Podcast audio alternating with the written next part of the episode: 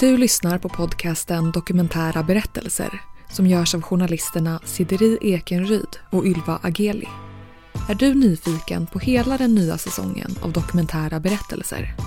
Då kan du gå in redan nu i Podplay-appen eller på podplay.se och lyssna på alla tio avsnitt av säsong 8 helt gratis. Den här säsongen handlar bland annat om hur det är att börja med smärtstillande Citodon och sluta i ett heroinmissbruk. Om tarotkort, tvångstankar och såklart mycket, mycket mer. Så gå in på Podplay och lyssna på hela säsongen redan idag. Helt gratis.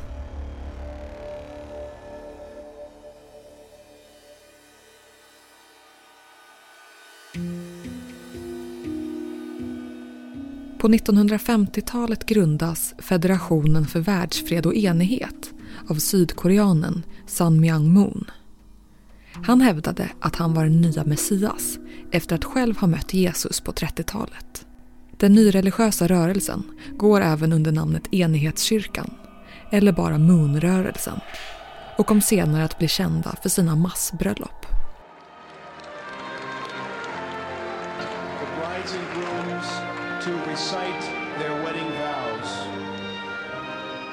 Klippet i bakgrunden är hämtat från Youtube och visar Madison Square Garden den 1 juli 1982 där tusentals par vigs av Sun Myung Moon. Paren, alltid en man och en kvinna, är klädda i traditionella bröllopskläder. Bruden i vit klänning och slöja, mannen i mörk kostym. Längst fram på scenen står Sun Myung Moon och förklarar om äkta man och hustru.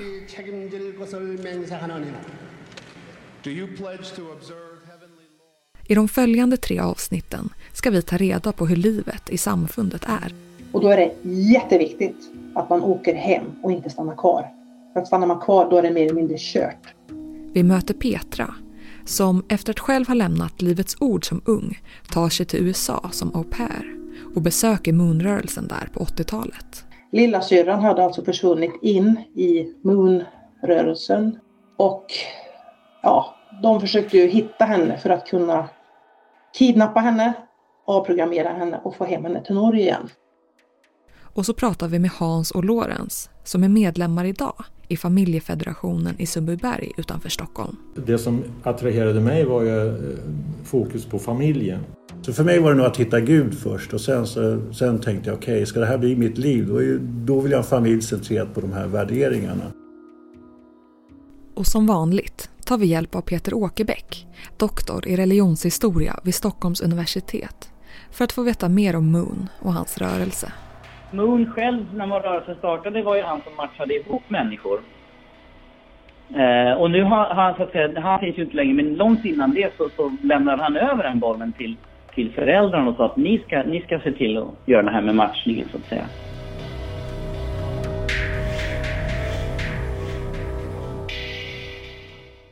Hemmavarande mamma, inga mobiltelefoner, klättra i träd, byggde kojor i skogen.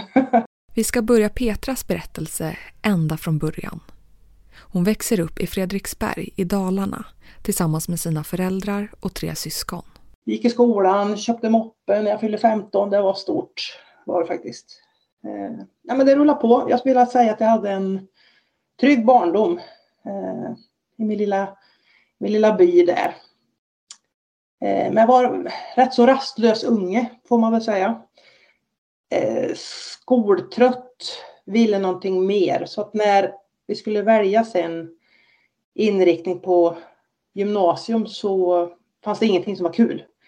Så jag kommer ihåg så tydligt när jag satt hos syo där och sa eh, studie och yrkesvägledare mm, att det här med att gå på, till Ludvika på Kungsberget och läsa social inriktning eller ekonomi, det är verkligen värdelöst trist. Och då sa han att det finns en ny, vill de testa någonting nytt här, en teaterinriktning.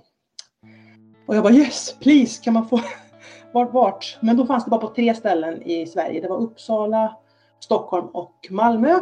Och det var inträdesprov och jag sa att det vill jag testa då.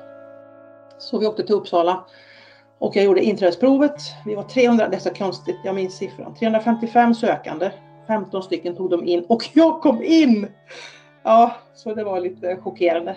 Fick eh, beskedet och sprang runt våran eh, flaggstång hemma i Fredriksberg och bara skrek för det var, det var stort. att få lämna byn. Så så blev det. Så jag pluggade tre år på gymnasium i, i Uppsala. I slutet av sitt andra år i Uppsala berättar en kompis för Petra att hon har blivit frälst och kristen. Och jag bara, ha det där var ju det sista jag vill ha nu när man fyller 18 och ska börja röja och få bestämma själv. Men då var hon med i Livets Ord och bjöd med mig dit och jag sa aldrig, jag satte inte min fot för det var väldigt mycket på nyheterna då att det här är störda grejer, störda människor, konstigt. Så att jag backade och backade och sa inget, det är inte intressant. Och för en väldigt lång historia kort så följde jag i alla fall med henne dit till slut. Och Ja, jag tyckte det var förfärligt.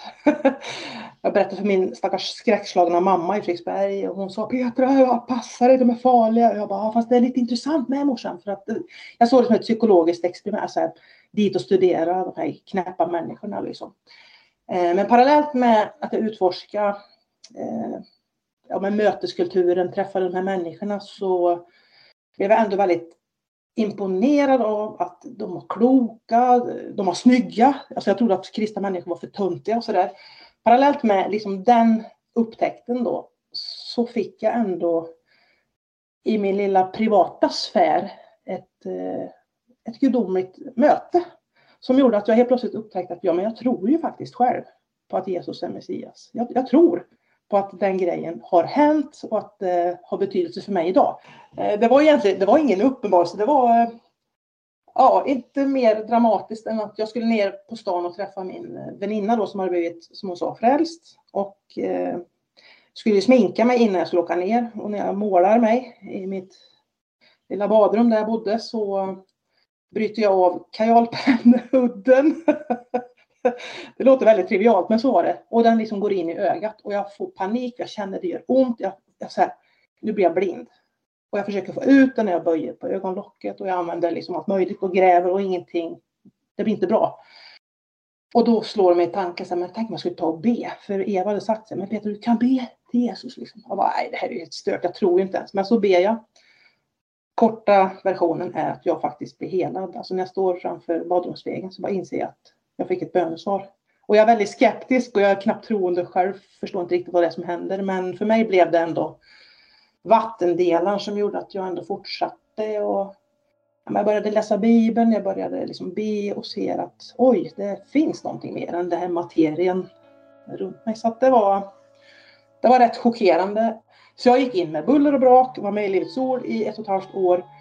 Hennes mamma vill få henne att lämna Livets Ord så under en påskhelg när Petra är hemma och ledig från skolan har hennes mamma bjudit in före detta Livets Ord-medlemmar på besök.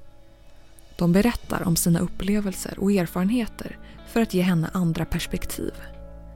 Och till slut bestämmer hon sig för att också lämna. Ja, äh, det var, det var riktigt tufft. Var det. För helt plötsligt så hade jag ingenstans att bo, jag hade inget jobb, jag hade inga vänner. För allting var knutet till Livets Ord. Så det jag gjorde var att jag skrev en fullmakt till mina föräldrar att de åkte upp till Uppsala och hämtade mina prylar. Jag bodde i ett kollektiv, de andra tjejer som tillhörde Sola. Så de fick åka upp och hämta hem allt. Eh, ja, så där satt jag själv. ja, vad ska jag göra nu, typ med mitt liv? Eh, sen gick det något år och sen eh, började det bli väldigt mycket skriverier om ja, Livets Ord var väl i media hela tiden mer eller mindre. Men Sen började Carola trassla in sig lite. Och då blev det liksom en hype igen i media och då kände jag att jag orkar inte. Så att då gjorde jag slag i saken och sökte som au pair till USA. Jag hade alltid velat åka till USA. Och då kände jag att nu får jag lite lugn och ro eh, kring det här. Så att eh, jag stack till San Francisco. Och eh, var ju där något år. Norr om Golden Gate-bron i ett stort vackert hus börjar Petra jobba som au pair hos en enkeman och hans son. Det är 1989 och hon är 21 år gammal. Hon lagar mat åt familjen men egentligen behövs hon inte mycket mer än så. Så hon får massor med fritid och får reda på att det hålls träffar med andra au pairs i den skandinaviska sjömanskyrkan i centrala San Francisco. Så dit åkte jag. Tog en buss ner. Och mycket riktigt, många au pairer, roligt, roligt. Eh, var där någon gång i veckan sådär. Och en dag så träffade jag då ett norskt syskonpar som hade kommit dit för att leta reda på sin lilla syster. Lillasyrran hade alltså försvunnit in i en sekt som heter Moonrörelsen eller Unification Church. Och ja, de försökte ju hitta henne för att kunna kidnappa henne, avprogrammera henne och få hem henne till Norge igen. Och det var ju bara det att de kunde ju själva inte gå och knacka på och säga hej, finns våran lilla syster här? För att alla är ju väldigt medvetna om att hittar man en närstående så plockas den personen ut med mer eller mindre våld. Alltså så är det. Så de kunde själva inte gå in, utan de behövde ha någon som kunde gå in undercover liksom, och låtsas vara rekryt. Som kunde få tillgång till ja, men alla samlingar och alla människor. Och då fick jag frågan då, Petra, kan du tänka dig? Den börjar i, i mitten på 50-talet kan man säga. Petra blir alltså ombedd att besöka Moonrörelsen i San Francisco. Vilka är de och vad grundar sig tron på? Peter Åkerbäck, doktor i religionshistoria, berättar. Då börjar den här Reverend Moon få en, en slags eh, ordentlig församling och har, har kommit på en, en teologi som heter Principerna. Och principerna går ut på att, att eh, i, i Adam och Eva skulle ha bildat en slags perfekt treenighet tillsammans med Gud. De skulle gifta sig och så skulle de vara, vara i enlighet med Gud. Och det är, det, som, det är då världen funkar som bäst. Men så blir det här fallet där Eva då, så att säga, bryter med det här. I deras tankevärld så är det inte så bara att hon äter av äpplet utan hon också blir förförd av ormen eller djävulen då. Och det förstör relationen mellan man och kvinna och Gud. Och det här måste på något sätt återupprättas. Så Jesus uppdrag var att återupprätta det här förhållandet man, kvinna, Gud. Han misslyckas med det, han dör på korset istället. Så Jesus är betydelsefull, men han lyckas inte hela fullfölja sitt uppdrag. Och det är det här uppdraget då som Moon tar på sig. Han ska gifta sig, han är så att säga the true father och tillsammans med sin hustru the, the true mother och så är de då har de återupprättat det, det, det, som de kallar för den sanna linjen, the true lineage. Och följer man då deras, deras budskap och skaffar, då skaffar man så att säga, ja man gifter sig inom deras rörelse, Då skaffar man perfekta barn som de säger och de här barnen är födda utan arvsynd. Eh, vilket är ju ganska, ett ganska starkt teologiskt påstående. Vilket att barnen föds, så att säga, perfekta. Och sen ska de här barnen då på något vis få, få jorden att bli bättre och Guds rike ska etableras. Vi tar en paus från Petras berättelse en stund och hör klippet från massbröllopet igen på Madison Square Garden i New York 1982. För på plats för att gifta sig med sina respektive blivande fruar är nämligen svenska Hans och Lorenz. Hans berättar för oss om varför han gick med i rörelsen år 1977. Jag bodde ju inte här. Alltså, verksamheten då fanns ju i de större städerna i Sverige på den tiden. Och det var ju ganska nytt allting här också då. Det var ju som en pionjärtid egentligen. Eh, men jag träffade på den här rörelsen när jag var i Stockholm en gång. Och eh, fick lite kontakt. Senare så flyttade jag till Uppsala på grund av mitt arbete då som journalist. Så jag började jobba på Uppsala Nya Tidning där då. Och i samband med det så återtog jag kontakten med, eftersom, ja, och, eh, och det var där egentligen som jag ja, försökte förstå lite mer vad den här rörelsen står för och så. Och, och, och eh, det var där jag gick med och blev aktiv. Eh, så att de första åren där, två åren, då jobbade jag ju kvar på Uppsala Nya Tidning samtidigt som jag flyttade in i ett kollektiv då och arbetade i, ja, aktivt inom rörelsen. Så jag, parallellt med mitt heltidsarbete så var jag aktiv då. Eh, och det var ju framförallt eh, det som attraherade mig var ju eh, fokus på familjen. Att familjen var någonting väldigt centralt i eh, den här rörelsen. Och att man, ja, ja, dels i, i, i, själva tron, alltså i eh, filosofin, men också i hur man försökte seriöst försökte liksom att förbereda sig för att bilda familj, det var egentligen det. För att då var vi ju individer allihop. Vi var ju... Ja. Så att vi hade ju en period kan man säga av, i mitt fall då, i många fall tror jag 6-7 år då man i stort sett levde som munkar och nunnor ungefär kan man säga. Eh, för att förbereda sig för att så småningom bilda familj. Då. Vi möter Hans på Familjefederationens kyrka i Sundbyberg utanför Stockholm. Bredvid honom sitter Lorenz som också varit medlem sedan 70-talet. Eh, min, min berättelse är på sätt och vis väldigt lik Hans men å andra sidan väldigt olik. Olikheten innebär ju att jag eh, växt, för mig växte jag alltid upp med funderingar om religionen och vad det innebär att vara människa och samhällsfrågor och att hitta sig själv och de frågorna. Eh, så att för, för mig fanns det sedan tidig barndom en fundering om de här frågorna. Jag brukar prata med mina vänner om det och vi hade vissa vänner då som blev mina vänner. Vi diskuterade de här frågorna ofta. Om livet och det som kommer efter och vad det är och så. Men när man är barn och ungdom så tänker man att det är för avlägset. Men jag hade alltid mycket diskussioner. Jag pratade just med en gammal vän med mig nu och vi, så det är väl det vi har gemensamt, därför jag har fortfarande gamla vänner. Att vi hade de här tankarna om att idéer är väldigt viktigt för att förstå hur vi lever. Alltså vi, på, vi är så påverkbara av samhället och allt som liksom runt omkring oss styr oss och påverkar oss. Så att hur hittar jag själv en idé och formulerar den och hur vill jag själv leva? Och min mor sa en gång till mig väldigt viktigt att Eh, att ja, men du har ett samvete. Så att ditt samvete, låt, lyst, våga alltid lyssna på ditt samvete. Så att det där har varit en ledstjärna i mitt liv och jag funderade väldigt mycket om, om de här frågorna. Sen, eh, jag studerade då på universitetet kommer jag ihåg och så kände jag så här, ah, vill jag fortsätta? Jag, var så, jag läste juridik då, jag tyckte det bara var så tråkigt och tänkte, ah, jag vill göra något annat med mitt liv. Liksom. Det, det här var inte för mig, kände jag alls. Men jag kände på något sätt socialt att det var det här jag skulle göra men jag kände nej det var inte riktigt som klingade med mitt hjärta. Så att jag kände att jag ville bryta upp och göra någonting annat så att jag började jobba och så spara pengar och så åkte till USA. Och jag ville börja något nytt liv där. Jag tänkte bara att jag bara... Ja, jag ville se möjligheter. Jag trodde inte jag skulle stanna kvar där. Men det blev jag stanna kvar och anledningen var ju det att jag träffade det här som ni kallar för Moonrörelsen. Men för mig, jag tycker inte om det namnet. Det är ett respektlöst namn. Så att för mig var det, det hette då Enighetskyrkan och eh, eh, så jag, träff, jag, träffade den på den flera gånger faktiskt. Jag träffade olika medlemmar där. De var väldigt aktiva då i USA. Så, så men jag reste vidare men så träffade jag en person och så var det runt kring jag skulle fylla år. Jag skulle fylla 20, 20, 23 skulle jag fylla då. Så det här var 1978.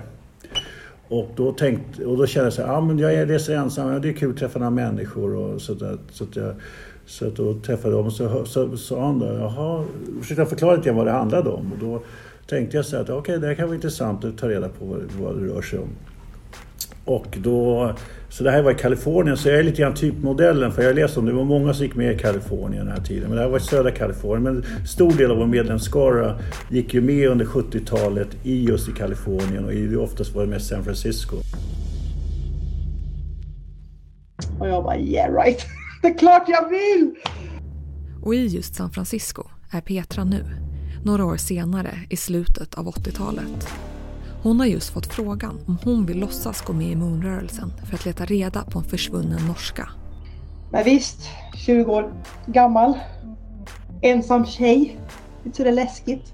Men då hade de ju riggat då, så dels så fanns det ju eh, några gubbar ifrån ett nätverk som jobbade med fritagning av sektmedlemmar min mamma skulle frita mig med våld, hade hon bestämt sig för. Om jag hade åkt tillbaka efter påsk så hade hon själv kontakter inom den här organisationen med alltså stora starka karlar med, med, med skåpbilar som skulle ha ryckt mig. Nu slapp jag det, tack och lov.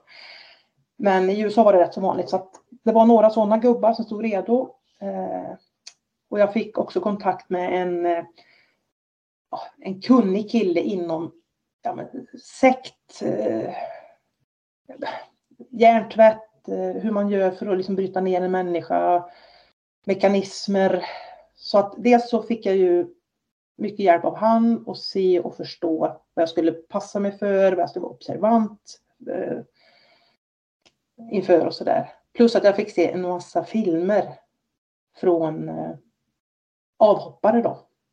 Så jag satt på Skandinaviska sjömanskyrkan och tittade på film efter film, intervju efter intervju med ungdomar som berättade om varför de gick med, vad som hände när de var inne och hur de sen slutligen lämnade. Då. Och här vill jag bara skicka med en, en, för jag kommer att återkomma till det, en tjej som berättade att hon blev rekryterad av Moon, eh, kommer liksom in på deras såna här läger som jag sen också åkte på. Eh, och hur hon var superskeptisk och hade bestämt sig för att åka hem. Tills hon sista natten får en dröm.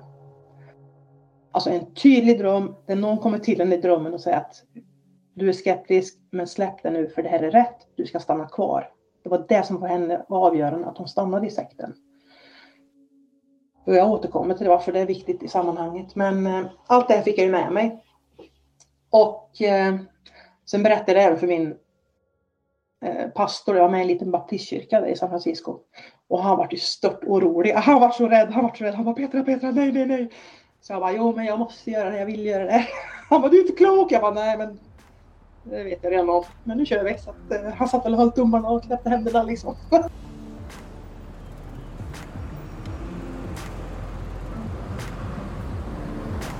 Hon påbörjar planen att försöka bli rekryterad. Hon framhäver sitt skandinaviska utseende med sitt blonda hår, turistkarta och neongula shorts. Sen ställer hon sig på ett torg mitt i centrum. Och så står eh, de här A-programmerarna och de här ja, en bit bort och liksom ser mig. För det fanns ju inga mobiler på den tiden. Utan det var ju så, var så man, man fick rigga. Och jag, och jag stod där och kanske, ja, inte mer än en timme. Det kändes som en evighet. Men inom en timme så hör jag så här, hello! Någon bakom mig. Och jag bara, det är nu det händer. Så jag vänder mig och bara, eh, hello? Och så, då var det en Mooney och började prata. Och jag bara yes, vi fick hugg liksom. Det var så spännande. Han bara, ah, intressant. Och är du ny här? Jag bara, ja, jo, jag är på genomresa så här. Och, är du ny här? Ja, jag är au pair, men jag är ny i stan och så där. Ja, spännande. Och, vi är en studentorganisation liksom. Vill du följa med och ta en fika? Jag bara, ja, självklart! Och så går vi in i deras lokaler där precis bredvid och eh, ja, men glada människor, unga människor och alla hälsar och kaffe och på väggen ett fotografi på Sun Myang Moon, han som har grundat Moonrörelsen. Så jag ser ju förstås eh, så små signaler redan från start som någon annan kanske inte hade märkt, vad vet jag. Eh, men eh, de vilade ju inte på hanen som man säger utan det var ju fullt spett direkt. De tyckte jättemycket om mig och vilken härlig människa jag är. Och den här organisationen med ungdomar, de gjorde så mycket gött. Och skulle du inte förresten vilja följa med på ett läger? Vi har ju jättehärliga läger uppe i bergen. Så jag bara, ja det är klart jag vill! så jag var inte alls svårbearbetad. Eh, och då var ju det redan nästa vecka. Och det var från torsdag till söndag. Så jag bara, ja men jag ska, jag jobbar ju som au pair men jag kan, jag kan säkert få ledigt. Jag ska kolla på det. Ja! Så att det var ju klart redan. När de släppte mig dag ett, att jag skulle följa med upp i bergen. Då. Moonrörelsens tro grundar sig alltså på kristendomen. Hans och Lorenz, som är nuvarande medlemmar i Sverige, berättar mer. Jesus blev ju inte accepterad, han blev ju korsfäst. Den kristna tolkningen är ju att ja, det var poängen med att han skulle bli korsfäst. Vår poäng är här att när Jesus kom ju som frälsare, skulle frälsa oss, men poängen var ju inte att han, han kom ju som jude, inte för att starta en, en ny religion, utan han var jude och skulle fortsätta den traditionen och att sen hitta en fru och bli accepterad och vara grunden för den, liksom den nya Adam. Det är så vi ser det. Sen blev ju inte han accepterad, blev korsfälld och kristendomen handlar ju egentligen i grund och botten om att Jesus ska komma tillbaks. Han kan inte, vi tror inte, vissa tror att han fysiskt kommer tillbaks, kristna, men vi tror inte det är krisen, vi ser det som det andligt. Och då, har vi, då är vår tolkning att Jesus finns ju i den andliga världen, han finns där, men han finns inte fysiskt, så han jobbar med någon person. Och då ser vi det som att han jobbade med Moon och då fick Moon försöka hitta en partner. En svårighet vi har här, kanske den största svårigheten i hela vår rörelse, är mötet mellan öst och väst. För det är ju två väldigt skilda kulturer. Och inte minst eh, pastor Moon själv, han, han var ju en han, var, han, han, skrev ju inte utan han talade ju. Han var ju en talare. Det finns ju tusentals tal som han har hållit. Och oftast på koreanska. Och då ska ju de översättas till ett västerländskt språk för att vi ska förstå. Och, och det är ju inte helt lätt för att du ska inte bara översätta från ett språk till ett annat. Du ska översätta från en kultur till en annan. Och ibland finns det inte, det finns inte ord liksom ens att, att, att göra direktöversättningar. Och jag tror till exempel eh, just när det gäller det här så tror jag att man ibland har missförstått vissa saker eller man har inte kunnat förklara riktigt.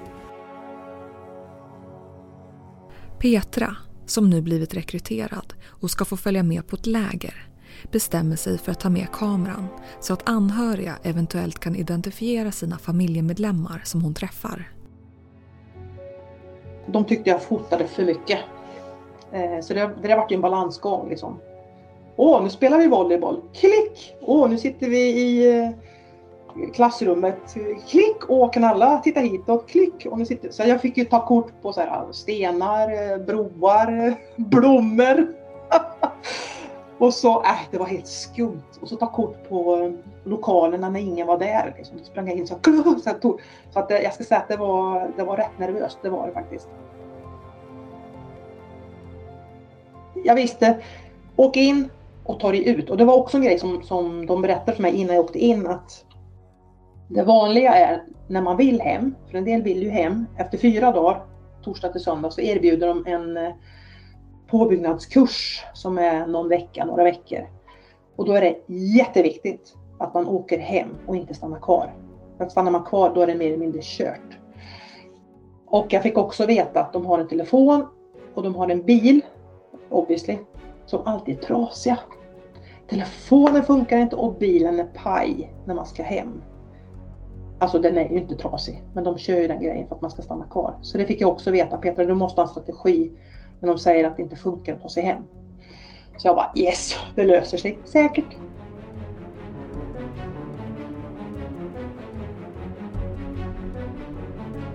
Du har lyssnat på den första av tre delar om livet i Moonrörelsen.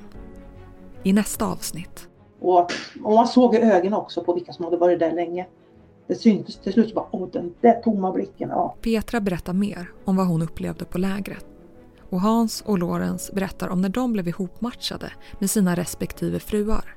Han, han matchade ihop mig med, med eh, min fru då, som, från Argentina och eh, då, ja, då, då satt vi oss ner och pratade. Jag var kär i första ögonkastet, alltså min fru var inte riktigt redo. Men hon accepterade, ja, men jag accepterar, sa hon. Så vi fick träffas och diskutera, så det är inget tvång. Så. Och glöm inte att alla avsnitt av säsong 8 finns ute redan nu, helt gratis på Podplay. Och vill du komma i kontakt med oss som producerar den här podden och dela med dig av din livshistoria? Mejla till kunskapsstudion gmail.com.